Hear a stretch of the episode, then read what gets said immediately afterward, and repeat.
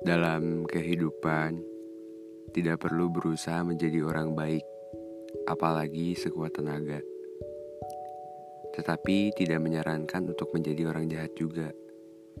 I know how cruel the world is.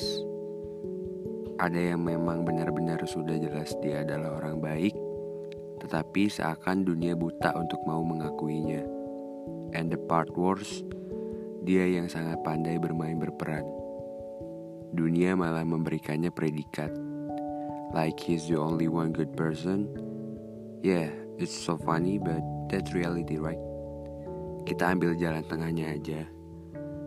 Gak perlu susah payah mendapatkan predikat itu kalau nyatanya hatimu tidak merasakan apa-apa di balik kata baikmu. It's fine we're not a good person but trying so hard to be a better person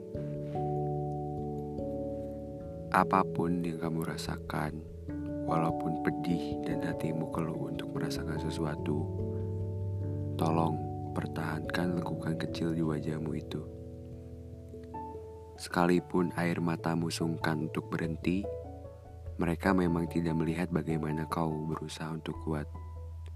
Untuk mempertahankan senyumanmu, tetapi percayalah itu tidak penting. Sebaiknya aku sarankan kamu melangkah, dekati cermin yang ada di dekatmu. Lalu kamu pandang lurus cermin itu. Apa yang kamu lihat? Beritahu aku. Apa yang lebih indah dari sebuah ukiran senyuman seseorang yang selalu berusaha menguatkan dirinya sendiri tanpa ingin menunjukkan kepada dunia.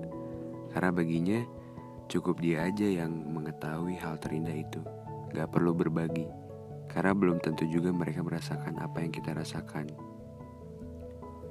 Dan kadang di hidup itu pasti ada gak baiknya. Bener kan? Hidup itu gak selamanya di atas dan gak selamanya juga di bawah. It's okay kalau kita ngakui kalau kita lagi ada dalam kondisi yang gak baik-baik aja. Dan setiap orang pasti ada yang namanya punya masalah. Hanya beda musim, beda masalah tiap-tiap orang. Kenapa kita perlu mengakui dan tidak menutupi keadaan kita kalau kita dalam kondisi nggak oke? Supaya kita sadar bahwa kita butuh bantuan, perlu masukan, saran, arahan, jalan keluar untuk masalah yang kita hadapi. Kita juga perlu support dari orang terdekat, tapi bukan berarti cerita kita bisa dikonsumsi semua orang.